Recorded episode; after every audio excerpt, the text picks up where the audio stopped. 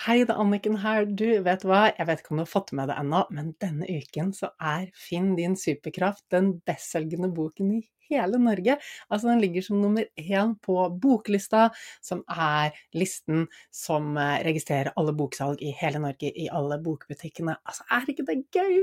Og jeg har svevd hele uken og varslet et sånn klyp meg i armen Altså, drømmer kan bli virkelig, du, når du bare jobber for dem og går for dem.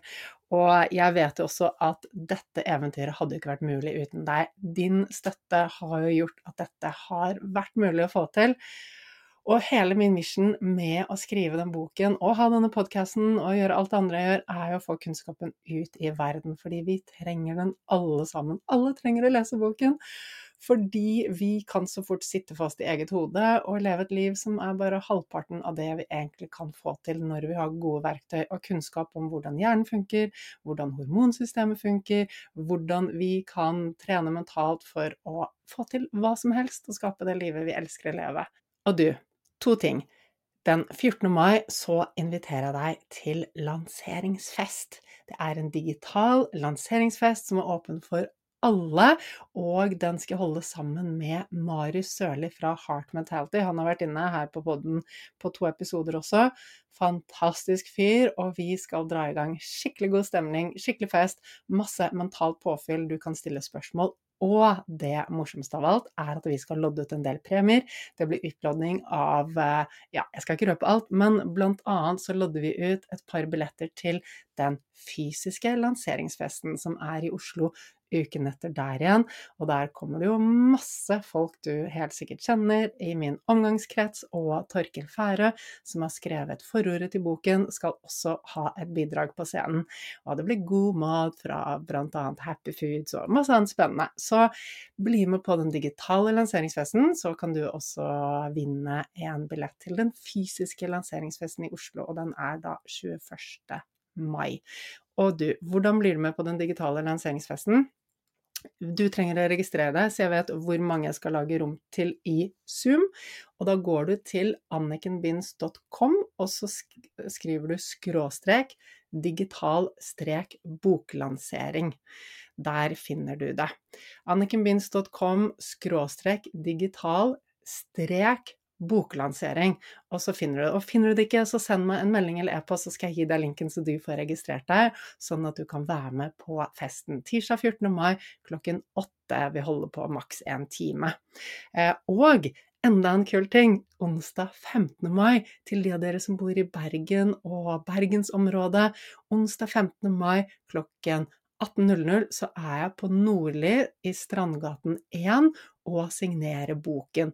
Altså, bare kom innom. Ta med deg boken om du ikke har fått den signert ennå. Du kan også kjøpe boken der, men bare kom innom.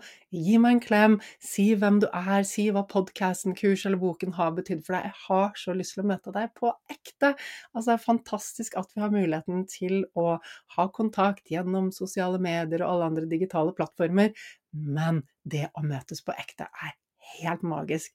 Så jeg har kjempelyst til å se deg på Nordli, Strandgaten 1, onsdag 15. mai klokken 18.00. Og ja, du, da kan du bare gå i gang og kose deg med episoden. Det er alltid mulig å ha det bedre og få mer ut av livet. Med riktig kunnskap og gode verktøy så kan du også ta livet ditt til neste nivå. Level Up er podkasten for deg som vil ha mer glede, mer energi, mer overskudd, motivasjon og mening, og rett og slett bare ha et bedre liv.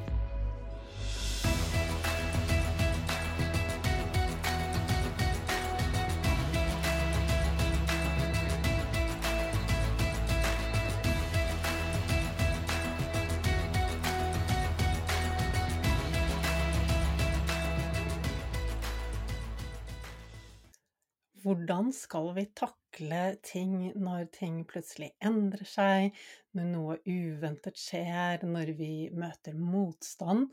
Hvordan skal vi kunne klare å stå stødig gjennom livets faser, gjennom de episodene som vi kanskje ikke syns er så gøy, de episodene hvor eh, ting ikke følger den planen vi ønsker at det skal gjøre? Hvordan i huleste skal vi takle det? Hvilke verktøy kan vi bruke? Hvordan kan vi jobbe med oss selv sånn at livets hendelser ikke vipper oss sånn av pinnen? Dette er spørsmål jeg har fått utrolig mye av i sommer, og tusen, tusen takk for alle fine meldinger jeg har fått fra dere. Dere som uh, følger meg på sosiale medier, har jo fått med dere at jeg har hatt en, uh, en litt uvanlig sommer. Uh, det har skjedd mye. Jeg, jeg, startet jo sommeren med å ankomme Maui, Hawaii. Og eh, noen dager etter at vi kom dit, så begynte jeg å bli nummen i fingre og hender, altså det prikket. Eh, og hadde nedsatt følelse, og to dager senere så hadde jeg nesten ingen følelse i huden fra brystet og ned. Jeg hadde veldig lite kontroll på kjernemusklene mine. Jeg hadde dårlig balanse. Jeg holdt nesten på å tisse på meg når jeg måtte på do. Altså, hadde eh, Det sto ganske ille til. Og um, når jeg gikk bortover, så var det som om jeg liksom ikke fikk med meg føttene, tærne subbet borti ting. Det, det, så ikke bra ut i det hele tatt. Men jeg visste jo ikke hva dette var. Jeg mistenkte at det var et eller annet i ryggen.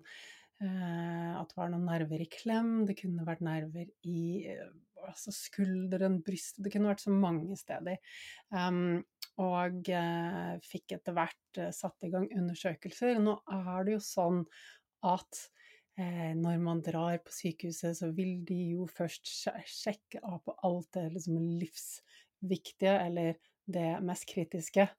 Eh, så det var på akutten og gjorde alt mulig rart av EKG og CT-skann av hjernen og røntgen av lungene. Jeg hadde jo en veldig sterk tro på at de ikke kom til å finne noe der, og det gjorde de heller ikke. Så spurte jeg om kan dere ta en MR av ryggen, vær så snill. Nei, det kan vi ikke. Det er bare forbeholdt eh, type bilulykker og sånn. Så jeg bare ok, og da er det en ny runde. Det er ikke lett å få til um, helsehjelp i USA. Uh, vi hadde heldigvis reiseforsikring, takk og pris. Har aldri i mitt liv reist uten det, så det er et godt tips. Alltid ha reiseforsikring. Men likevel, det er ikke alle uh, helse... Uh, altså steder kontorer, legekontorer i USA som samarbeider med en reiseforsikring. Mange steder må du legge ut selv. Der har de et helt sykt system av forsikringer. Hvis du bare går inn døren hos legen og du ikke har en helseforsikring som betaler deg, så koster det bare 2000 kroner bare for å se en lege, og så kommer alt annet på toppen av det. Så ja, La oss si at det var en prosess å i det hele tatt få en henvisning til å ta MR, og det er ikke så mange steder å gjøre det på Maui, det er litt ventetid, det er en liten øy. Så fikk jeg til slutt tatt MR av alle deler av ryggen, altså nederste ryggen, midtre delen av ryggen og nakken. Og jeg fikk etter hvert svar eh, fra dette instituttet på Maui fikk jeg bare en rett og slett punktvis liste på funnene de hadde, men det var ingenting der som virket særlig kritisk. Sendte det til venner jeg har i Norge som kan mye om dette, og de bare nei, nei, dette uh, Du må ikke finne på å liksom operere med dette. Uh, dette her kan du helt sikkert fikse med trening. Uh, men likevel, symptomene var der hele tiden. Eh, jeg var jo ikke bra, og legen via reiseforsikring så jo på dette, han sa at du må dra hjem og operere. Det er en hevelse eh, i nakken som klemmer på nervene, som rett og slett Og, den operasjonen han forespeilet, var å eh, bare gå inn bak og skrape ut mer plass til nervene, rett og slett. Så jeg tenkte at ja, det kan jo Altså, hvis han sier det, at jeg må operere innen to uker, så er det sikkert noe i det. Eh, men jeg hadde jo så surfet hver dag hele den måneden vi var der. For nå hadde vi nesten gått en hel måned for å i det hele tatt um, komme gjennom alle disse undersøkelsene. Og jeg hadde vært i vannet hver eneste dag fordi jeg ante ikke egentlig hva som var galt med meg. Og armene mine funket. Eh, jeg fikk mye trening å bare være i vannet, droppe inn på bølger. Eh, det skal sies at jeg um, eh, veldig ofte datt av brettet etter at jeg klarte å reise meg opp. De gangene jeg klarte å reise meg opp. Jeg slet med å reise meg opp hvis jeg satt på huk. Jeg hadde ikke så mye krefter i bena. Men jeg kom meg ut og surfet hver dag. Og da legen etterpå sa at ok, dette er en hevelse, så tenkte jeg jo ok, den hevelsen er der nok fordi jeg hver eneste dag har bøyd nakken min. Når du surfer, så ligger du på magen eh, og archer, altså du løfter opp brystet, og ja, jeg er litt stiv i ryggen. Og vi fant jo en del ting på disse MR-bildene som kan forklare stivheter jeg har både i korsryggen og i brystryggen, som gjør at jeg, jo litt stivere rygg, jo lettere tar jeg ut den bevegelsen i nakken, og at jeg bøyer nakken mer enn jeg trenger.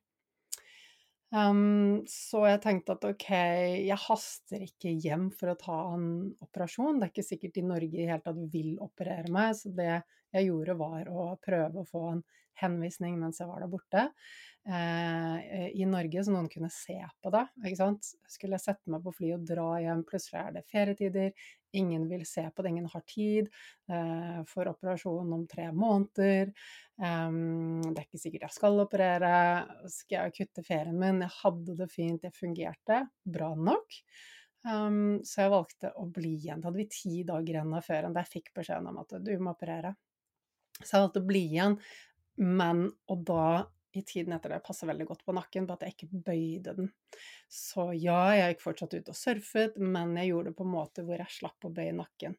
Og ja, jeg skjønner at å, dette høres veldig sånn vågalt ut og sånn, men jeg tenkte ikke at det sto så ille til med nakken, og som mannen min eh, sa til meg, han bare 'Anniken, du, du har aldri vært god på å begrense deg', men det er ikke det at jeg må pushe hele tiden, det er ikke det det handler om, men det handler om at jeg ser etter løsninger. Hvis én dør lukker seg, så tenker jeg ok, men hva kan jeg gjøre da? Jeg skjønte at det var veldig ille med nakken, så ok, men jeg kan suppe, jeg kan gå til å suppe, da har jeg nakken rett. Jeg kan gjøre det. Og etter hvert så skjønte jeg ah, jeg kan lære meg å padle på knærne eh, på surfebrettet. Um, det er lett hvis du har et svært brett, men det brettet jeg har, er det ikke så lett å sitte på knærne på. Men jeg klarte å liksom finne balansen og teknikken så jeg kunne få til det. Sånn kunne jeg komme meg ut uten å belaste nakken for uh, mye. Uh, så det gjorde jeg også. Jeg Altså, hvis noen sier til meg du må ikke gjøre dette fordi dette og dette kan skje, da hører jeg på rådet, men hvis jeg ikke egentlig vet, og eh, hvis jeg ser en mulighet til å få det til, bare gjør det på en annen måte, da vil jeg gjøre det. Eh, og det kan helt klart være en svakhet i noen tilfeller. Dette er ikke noe jeg sier for å skryte, eller sånt, og det er bare sånn jeg er skrudd sammen. Eh, det, så det kan helt klart være en svakhet i at ja, jeg kan ende opp med å pushe den litt mye noen ganger, men så er det også en styrke, det å ikke se en lukket dør som en lukket dør, men heller snu seg rundt og si ok, men hvilken mulighet har jeg nå? For det fins alltid en mulighet, det gjør alltid det. Og når vi klarer å trene oss opp til å ha et tankesett som ser åpne dører, ser etter muligheter istedenfor å bare se de lukkede dørene, det er da livet vårt blir bra. Det er da vi klarer å skape muligheter, utvikle oss fremover, ha det bra. Ha det godt oppi hodet vårt. For hvor bra har du det oppi hodet ditt hvis du bare ser på den lukkede døren? Ikke særlig, ikke sant? Men hvis du da har en dør som er lukket, og du snur deg rundt og ser at wow, her kan jeg kanskje få til noe, kanskje jeg kan dirke opp denne døren, eller kanskje det finnes en mulighet, kanskje det er noe på den andre siden av denne døren, og så utforsker du det. Vi mennesker er skapt for utvikling, vi er skapt for, for å bevege oss fremover, og det å uh, stå stille det suger motivasjonen vår. Altså det gjør at vi mister drivkraften. Men når vi føler at vi beveger oss fremover, så gir det oss drivkraft. Så jeg skal på ingen måte si at hele sommeren bare har vært sånn tjo hei, dette her er lett å takle.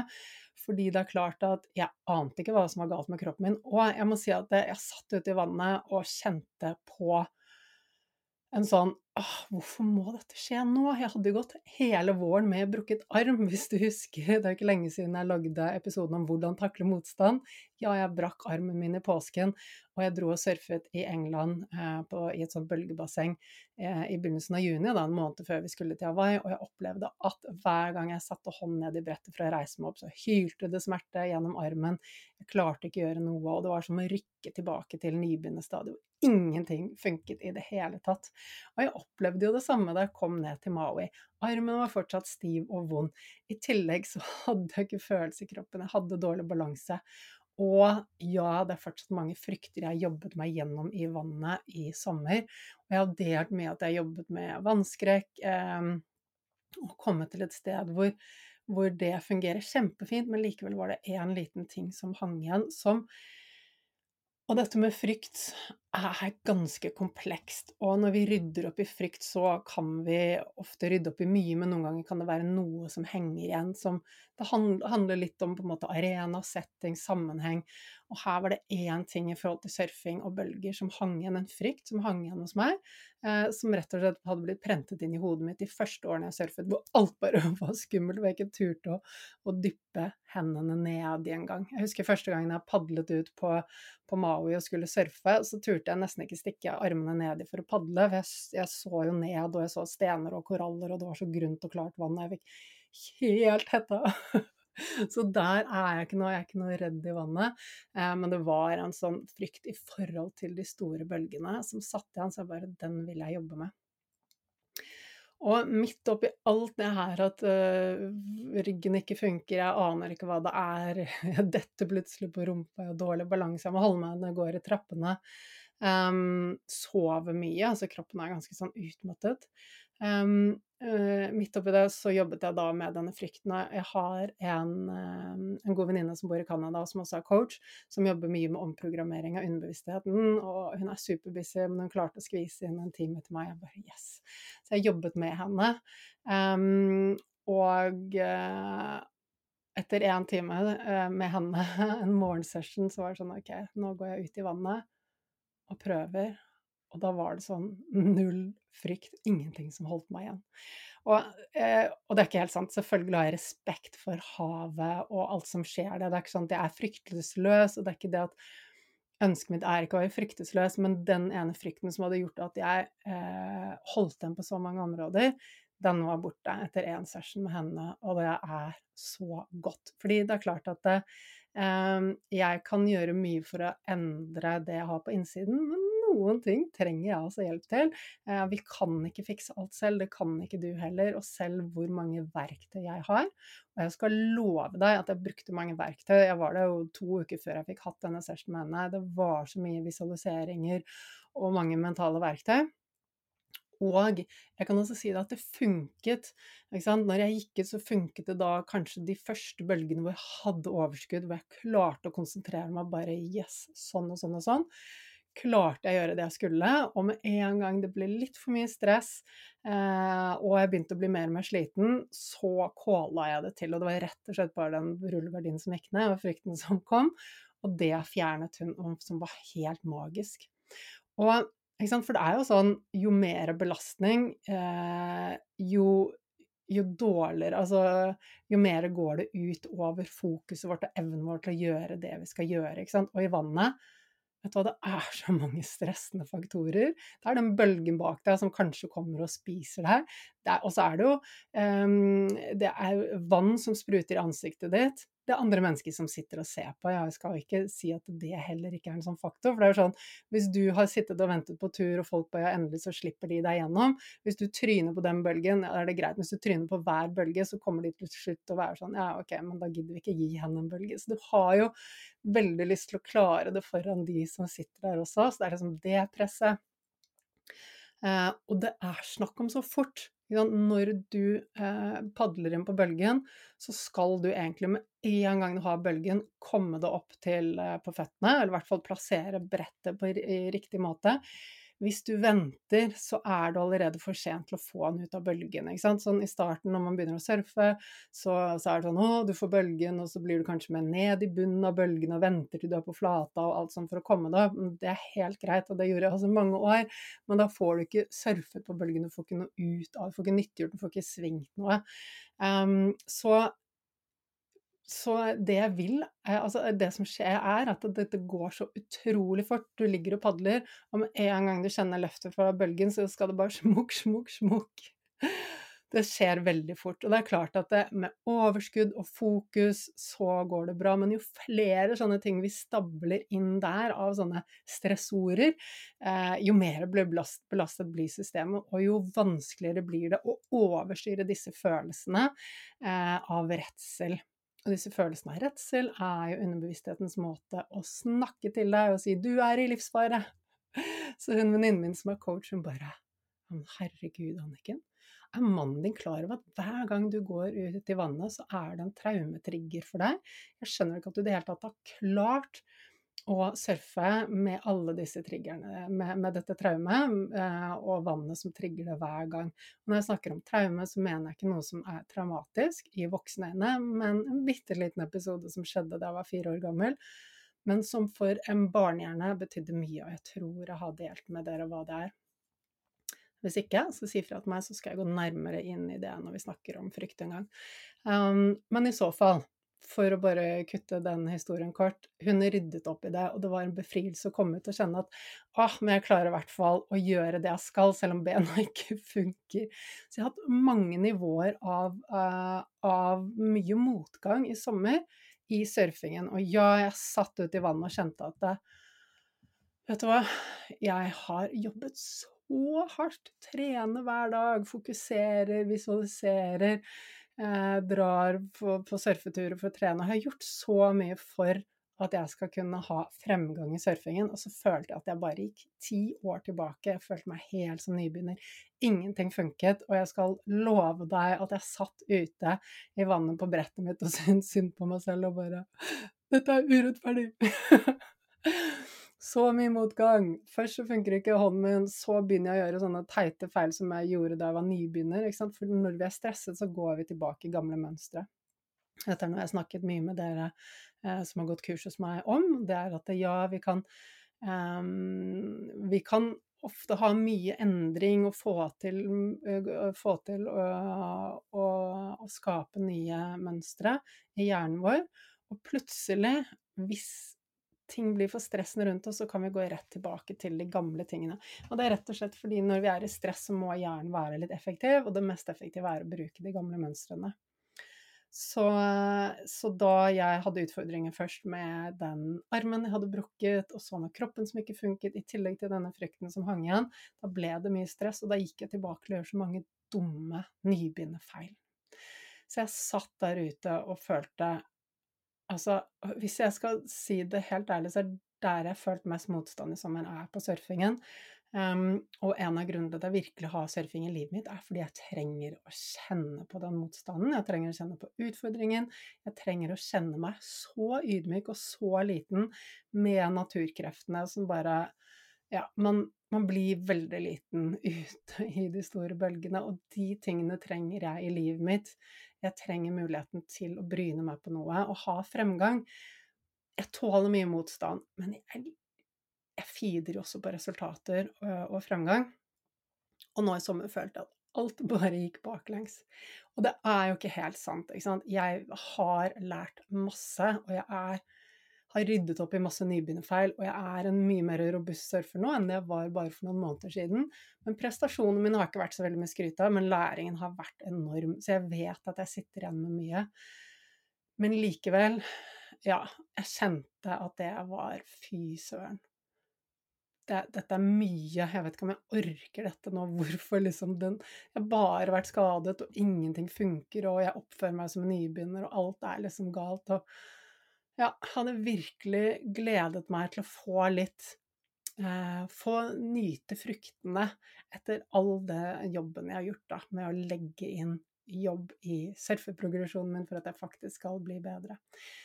Så det var tungt, men det er lov å kjenne på disse følelsene. Vi skal innom de, og det gjør vi alle. Når vi møter mye motgang, så er det fort å gå til den 'Å, hvorfor skjer dette meg?' og og liksom synke litt ned i det og synes synd på seg selv. Og det er helt greit, men så må vi også velge hvor lenge blir jeg her? Hvor lenge er det produktivt for meg å være her? Hvordan bidrar dette til det livet jeg vil leve? Uh, jeg vil leve et liv hvor jeg har det bra. Det er helt soleklart for meg. Så ja, jeg ender opp i noen gamle, rare mønstre hvor jeg kanskje trekker meg selv ned og ikke er så glad. Men så kommer jeg veldig fort frem til konklusjonen at oi, det er de mønstrene her som gjør at jeg ikke er glad. Og hva var det som var viktig for meg igjen? Hva er visjonen med livet mitt? Jo, det er jo å ha det bra. Og det er bare jeg som kan velge å snu på det. Eller ikke. Jeg kan velge å bli værende der og se den lukkede døren og føle at det er synd på meg. Eller jeg kan velge å se mulighetene og bevege meg fremover istedenfor. Det er det bare jeg som kan velge. Og hvis jeg en gang har bestemt meg for at det jeg vil, er å ha det bra, så kan ikke jeg drive og stange hodet mitt i den lukkede døren. Da må jeg åpne den nye døren med muligheter. Så jeg håper du er med meg på det. Og dette er noen ganger så vondt og tungt å snu det og få det til, men det er helt nødvendig. Det er ingen, ingen andre som kan gjøre den snuoperasjonen for oss. Så ja, jeg innrømmer at alt dette med surfingen var tungt å jobbe gjennom. Eh, mye motstand og mye liksom den ene smellen etter den andre.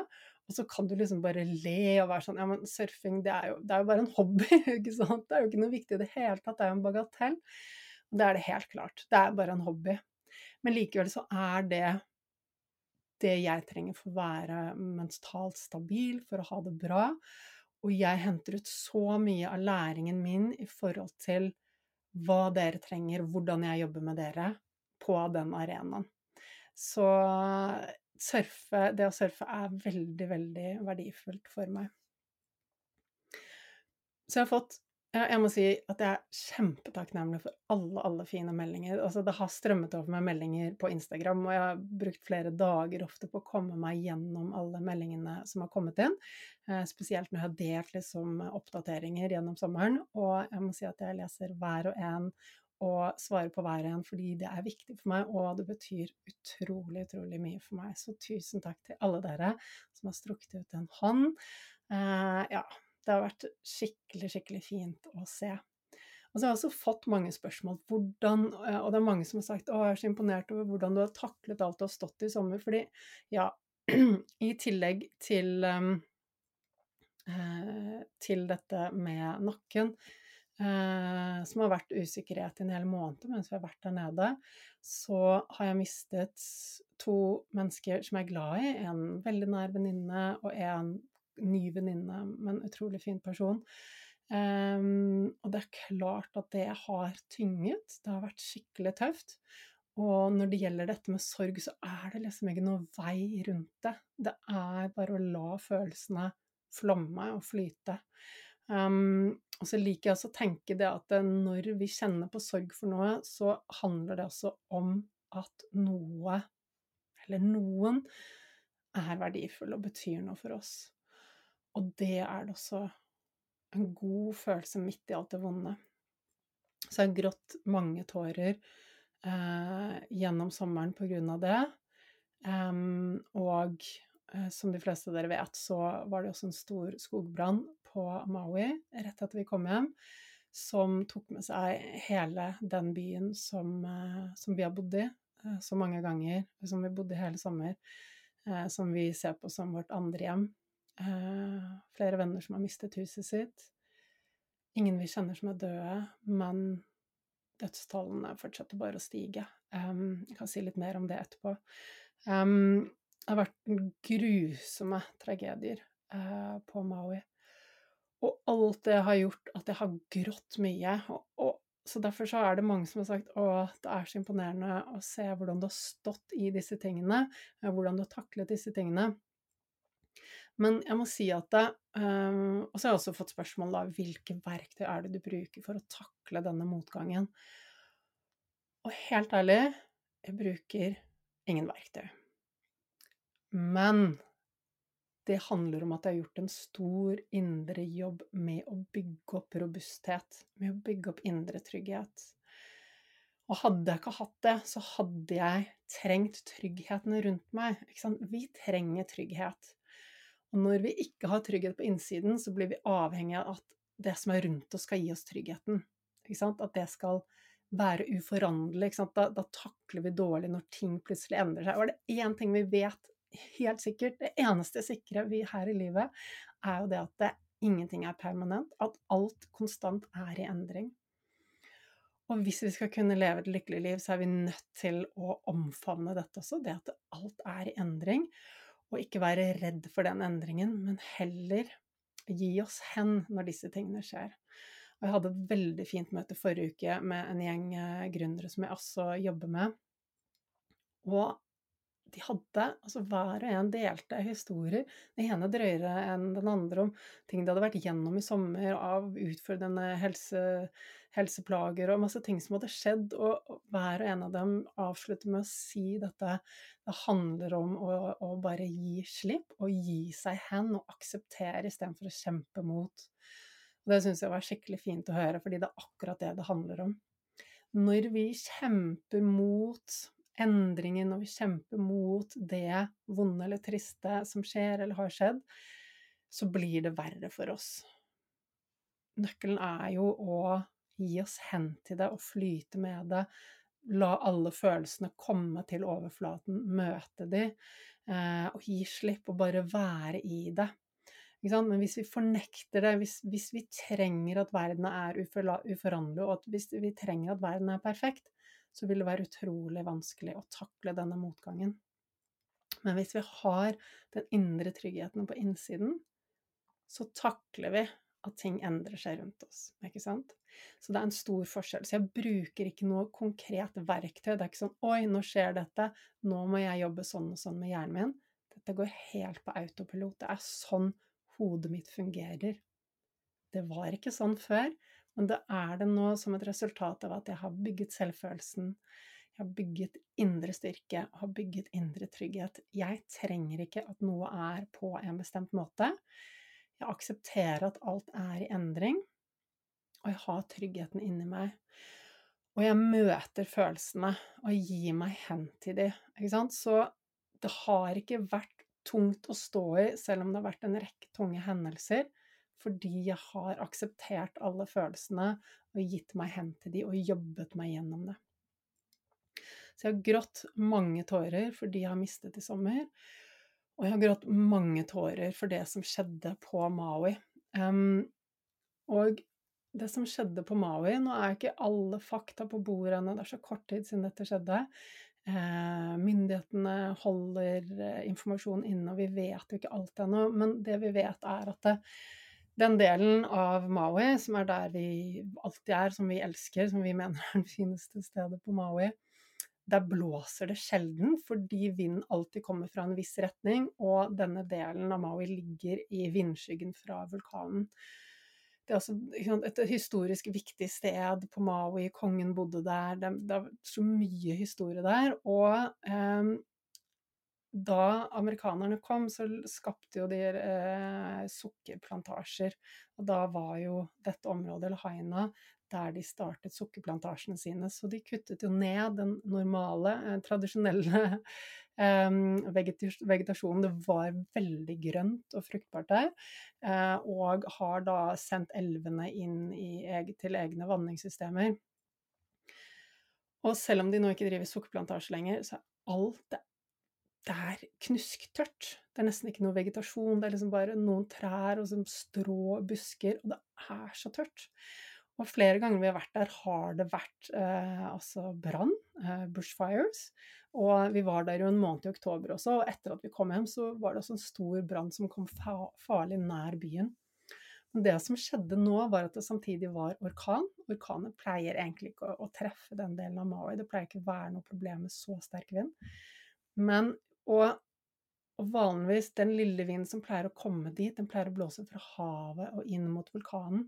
Og nå var det en kraftig vulkan som blåste fra vulkanen og mot vannet. Og Lahaina, denne byen, eh, ligger jo langs med vannet. Og vinden dro med seg en strømkabel ned. Den burde vært skrudd av, den var den ikke. Med en gang den traff bakken, så begynte det å ta fyr. Og den vinden orkanen gjorde at hele byen var overtent på to timer. Myndighetene gikk ut og sa de hadde kontroll på brannen. Eh, telefonnettet var nede. De har egentlig tsunami, altså alarmer Det er egentlig et skikkelig godt utbredt eh, alarmsystem, men de ble ikke iverksatt, for dette var jo ikke en tsunami. Så det som skjedde, var at en hel by var overtent på to timer, og ingen så det komme. Eh, foreldre var på jobb, barn har vært alene hjemme. Folk har sittet hjemme, visst at det kanskje var noen brushfires, uh, bushfires på gang, men det er ikke så farlig. Um, og ilden spredde seg med en fart som er den farten du går i.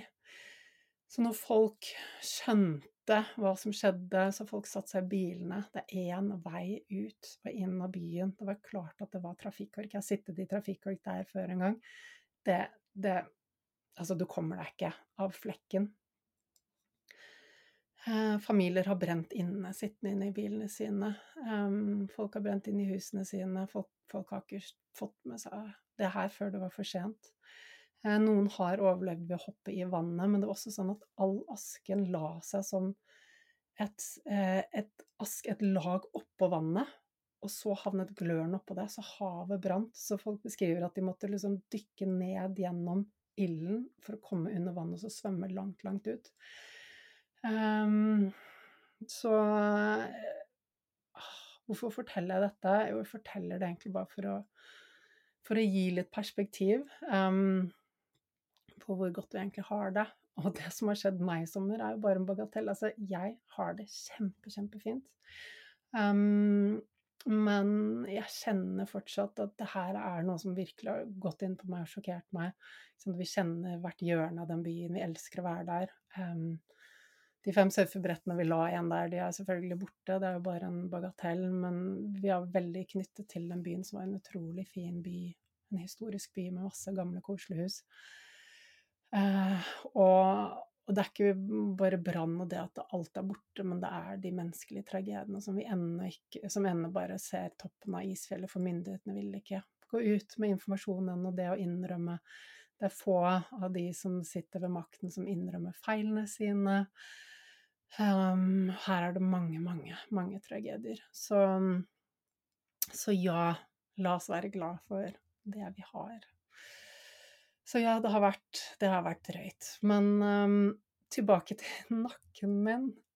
Jeg uh, Og de, de, fleste av dere som følger meg på sosiale medier, vet jo også det at jeg, uh, da jeg kom hjem, så hadde jeg en time uh, to dager etterpå hos en nevrokirurg som så på bildene, og vi hadde en telefonkonsultasjon bare. Og um, jeg ville egentlig bare ha en second opinion, liksom operasjon eller ikke operasjon, er dette noe jeg kan trene opp på egen hånd? Og så sier han ja, nei du, hva var det som skjedde egentlig? Og så bare forklare om de symptomene jeg har hatt. Um, og det skal sies også at en av grunnene til at jeg også ikke stresset sånn med reisen fra Maui, var at jeg hadde en bedring i symptomene. Jeg jobbet mye med det mentale og gjorde en god del øvelser, og jeg klarte å gå fra eh, fra null styrke i bena til nesten tilnærmet vanlig styrke og balanse igjen i bena. Så jeg klarte etter hvert å stå på brettet. Jeg klarte, klarte veldig mye som jeg ikke hadde klart de første ukene. Og det er klart at det ble litt sånn ok, det er en bedring der. Jeg har passet mer på nakken, at jeg ikke har bøyd den så mye. Jeg tipper den blir trigget av at jeg bøyer den når jeg surfer, så så lenge jeg holder meg unna det, så kan jeg også vente til jeg kommer hjem og får noen til å se på det. Men han sa jo da rett ut ja, du har hatt flaks, du kunne blitt lam. Og så sier jeg oi. Eh, så sa han bare rett og slett at det er en nakkeprolaps, en litt drøyere nakkeprolaps enn det som man kanskje kan se for seg og tenke. Um, og han hadde jo Man vet jo aldri helt før man åpner opp, men det er samme fyren som, som opererte meg en uke senere. Og det han sa, var at den mellomvirvelskiven mellom, mellom C6 og C7 eh, den var ikke eksisterende. Var som potetmel. Det var liksom ikke noen funksjon igjen i den. Den var så å si helt borte. Og da er det ikke rart at jeg har hatt nerver i klem. Um, fordi det er ikke bare det at eh, den mellomvirvelskiven er borte, men jeg har også bøyd nakken, så han kalte det en akseknekk. Eh, jeg har gått og bøyd nakken hele sommeren når jeg har surfet, eh, så jeg har i prinsippet gått rundt med brukket nakke i hele sommer. Og det har gått bra. Um, og det tror jeg har gått bra fordi jeg er godt trent og har hatt en god dose flaks. Uh, jeg har hatt flaks, jeg har det. Uh, men hadde jeg ikke hatt muskler i nakken, så hadde dette vært en helt annen historie. Eh, så nå sier jeg det Jeg vil at du ikke skal tenke 'oi, shit, hvis dette skjer med Anniken, hva med meg?' Da kan det skje med meg også. legg bort den tanken med en gang. Så det grunnen til at denne mellomvirvelskiven har vært så ødelagt, er at jeg gjentatte ganger har utsatt den for stress. Jeg hoppet jo base i mange år, og der har jeg hatt mange, mange harde åpninger som har vært selvforskyldte. Vi pakker skjermen selv. Måten du pakker skjermen avgjør hvordan den åpner. Du velger selv farten du har, posisjonen du har. Så det er klart at eh, mange av de harde åpningene mine har vært selvforskyldt, men det har vært noen åpninger som har vært så harde at jeg hørte sa knekk, knekk, knekk i nakken. Og så har det blitt svart for meg, og jeg rukket å tenke nå dør jeg. Og så har jeg kommet tilbake til meg selv. Eh, og jeg tok en MR av nakken i ehm, 2018 2017 også, bare for, å, bare for, å, se. Og da fant de på en måte bare litt forkalkning og litt slitasje. Ikke noe som var ille, men jeg har hatt utfordringer med stiv nakke. Kontinuerlig, altså hele mitt voksne liv. Eh, masse yogaøvelser jeg ikke kan gjøre. Ikke Skulderstående. Hver gang jeg gjorde en hodestående, fikk jeg vondt. Um, det har vært så mange ting. Hver gang jeg skal gjøre noe så blir jeg stiv i nakken eller har blitt det. Eh, og nå i ettertid så skjønner jeg at det, det, er ikke så rart. Så den nakkeprolapsen har jeg skapt selv, så ikke vær redd for at dette skal skje av deg. Uh, og de av dere som er i medlemskapet mitt, vet jo også at uh, allerede i oktober, da vi var på Maui, så, så, startet den prikkingen i fingrene på høyre hånd, og den har vært der kontinuerlig i hele vinter. Um, og jeg har jo jobbet mye for å liksom få For å myke opp og jobbe med bevegelighet for å preppe meg for surfesesongen. Eh, har tenkt på dette med prolaps, eller i hvert fall eh, en osteopaten jeg gikk til, sjekket nakken litt og mente nei, det er nok ikke prolaps. Men ikke sant, det jeg vil at du skal ta med deg fra dette, er ta en MR istedenfor å lure. Jeg hadde, jeg hadde, ikke trodd at det skulle være en prolaps fordi jeg er sunn og sterk. Eh, kroppen fungerer bra, men det er klart at det er så mye slitasje på nakken, og, det, og, og surfingen den har virkelig, eh, virkelig også eh, vært en ekstra belastning på en allerede belastet nakke. Så, men hvis du skulle oppleve prikking eh, et eller annet sted i kroppen og nummenhet, så kan det være uskyldige ting som en nerve i klem i, liksom, i skulderen eller en albuen. Det kan være mye rart. Men hvorfor ikke ta en MR og sjekke det? Og her i Norge så er det så lett for oss å få dette gjort. Ikke like lett på ferie. Men summen på hele historien er det har gått bra. Eh, jeg er nå operert, og nakken blir enda bedre enn den var før, for de har rett og slett satt inn en ny mellomvirvelskive. Altså det de gjør, som er helt utrolig, er Altså, jeg må si at jeg fikk narkose Etter jeg kom inn i operasjonssalen, så var jeg ute med narkose etter to minutter. Jeg rakk ikke grue meg. Men det de gjør, er at de snitter opp foran på halsen. Så setter de liksom spenner for å liksom holde alt til side.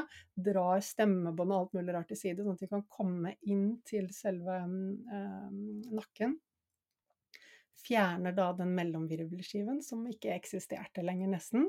Setter inn en ny, og så de har jo drillet og ordnet, og det, det, er, det er, et stort inngrep. Men setter inn en ny eh, mellomvirvelskive som til og med har syntetisk benmarg som vokser inn i den eh, den gamle benmargen. Altså, er ikke det helt fantastisk hva medisin kan utføre den, den, den dag i dag? Det er helt utrolig. Eh, så jeg skal ta det rolig, eh, hvile mye de neste ukene. Men nakken kommer til å bli bedre enn den var før. Er ikke det utrolig? Altså Ja. En historie som kunne gått dårlig, men som gikk veldig bra. Og jeg delte også på Instagram dette med at um, dette med at det, eh, det, er viktig å tenke at det går bra. Eh, og det var jo også en som da svarte ja, men jeg også tenker at det går bra, men det er jo ikke alltid det går bra for det.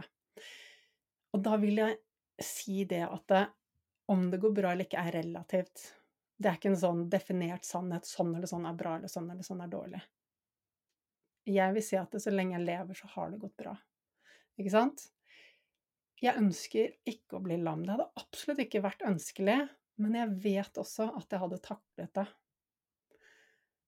Og det å vite at jeg hadde taklet det, det gir meg en enorm trygghet. Altså, misforstå meg rett, det er ikke noe jeg ønsker, men jeg hadde taklet det.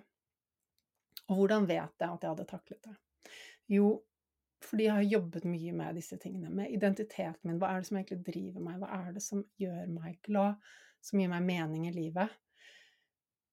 Og jeg har også fått det spørsmålet ja, hva hadde du gjort hvis du ikke kunne surfe lenger, eller hvis du ikke kunne jobbe som mentaltrener lenger? Jeg har fått det spørsmålet før, og saken er den at det, vi gjør ikke de tingene vi gjør fordi det er den tingen. Det handler ikke om hva vi gjør, men det handler om hvorfor vi gjør det. Og hvorfor surfer jeg? Jo, jeg surfer fordi jeg trenger utfordringen og læringen. Jeg liker en følelse av mestring. Jeg liker å være ute. Jeg liker å være i naturelementene. Jeg liker noe som jeg kan gjøre med familie. Eh, jeg liker noe som bidrar, å gjøre noe som bidrar til helsen. Det er de grunnene til at jeg driver med surfing. Det er ikke pga. surfingen i seg selv, det kunne vært hvilken som helst annen aktivitet. Og jeg vet at selv i rullestol så kan man gjøre mye, man kan til og med surfe. Jeg har til og med sett, eh, når jeg har vært i England, hvordan folk kommer i rullestol, strapper seg fast i et sånn spesiallaget brett og surfer. Eh, folk som mangler et ben og bare har protese, surfer. Så det handler om at mye er mulig. Er det ideelt? Nei. Blir ting mer komplisert? Ja. Men jeg vet også, og det gir meg en trygghet, det at jeg vet hvorfor jeg gjør de tingene jeg gjør, og jeg vet at er ikke den tingen tilgjengelig, så kan jeg finne andre arenaer og få tilfredsstilt de samme behovene på. Så de av dere som har vært gjennom kurset mitt og har jobbet med verdier, dere vil også lettere kunne se det og etter hvert inkorporere denne vissheten og denne tryggheten. Det, bare det å vite at ja, men så lenge jeg vet hva verdiene mine er, så er jeg fri uansett hva som skjer i livet mitt. For jeg kan alltid finne en måte å jobbe etter å tilfredsstille verdiene mine. Dette med verdier handler ikke om at vi må leve 100% etter de hele tiden, men at vi bruker de til å styre etter, og til å forstå hvorfor ting trigger oss, um, hvorfor det er noen ting vi ikke trives med, hvorfor vi trives med andre ting, hva som gir oss glede, hva som ikke gir oss glede. Det er det som er styrken i verdiene. Og når vi har dette klart for oss, så gjør det så mye mer robust. Det gjør at vi kan stå mye stødigere i alt som skjer, og vi kommer til å ha det mye bedre med oss selv. Så, um, så ja, altså det er ikke ett verktøy som jeg kan si 'dette er det du gjør for å stå stødigere'. Det er det å bygge deg opp fra innsiden, så du, så du har denne robustheten. Det handler om å bygge selvfølelse, indre trygghet, eh, indre styrke. Det handler om at når du er trygg på det du har på innsiden, så blir du ikke avhengig av det som er på utsiden. Og så er det, og det vil også hjelpe deg til å ikke være så redd for de vonde følelsene, det å kunne gi deg hen til de, det å akseptere de, det å tørre å føle de, det er ikke farlig å være lei seg. Jeg har grått så mange tårer i sommer. Men det er ikke farlig. Det er ikke motstand. Det er heller å flyte med det og gi seg hen til det. Det er del av livet. De tårene er der fordi noe er viktig for meg, og kjenne på de følelsene. Så akseptere og gi slipp, og gi deg hen til de tingene du ikke får endret i livet ditt.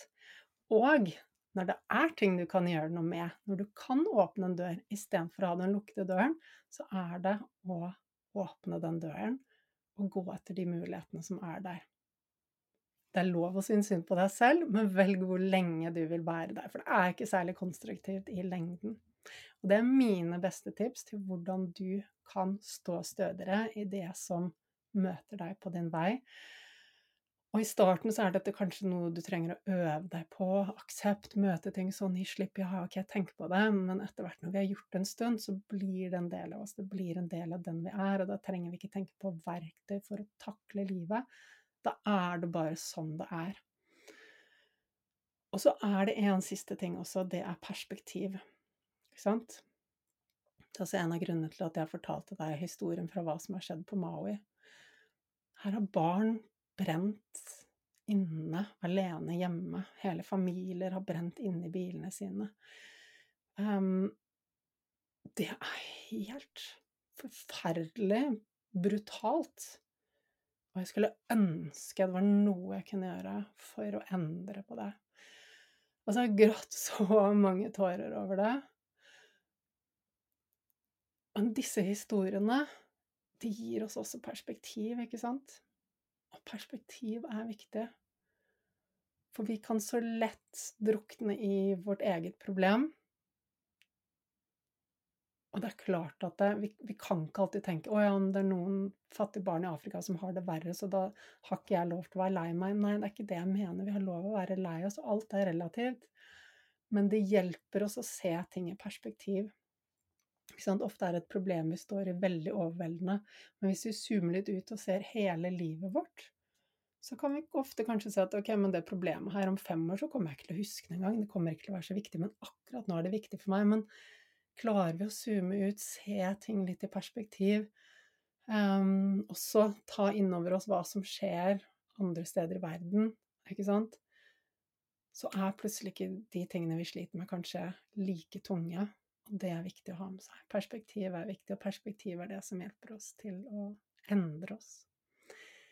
Så ja um, Litt annerledes episode. Her var det mye. Håper at du bare tar det inn i hjertet ditt og bruker det på den måten som passer for deg. Perspektiv. Ikke tenk at du må takle ting. Fokuser heller på å bygge det opp fra innsiden, og så vil det som skjer rundt deg, bare Du vil takle det uten at du må tenke deg om. Tusen, tusen takk for at du er med her. Setter så utrolig stor pris på at du er med, på at du deler kunnskapen videre, og blir veldig glad når du går inn på iTunes og legger igjen en liten vurdering og en tilbakemelding. Det blir jeg utrolig glad for. Og så gleder jeg meg til å se deg igjen neste uke.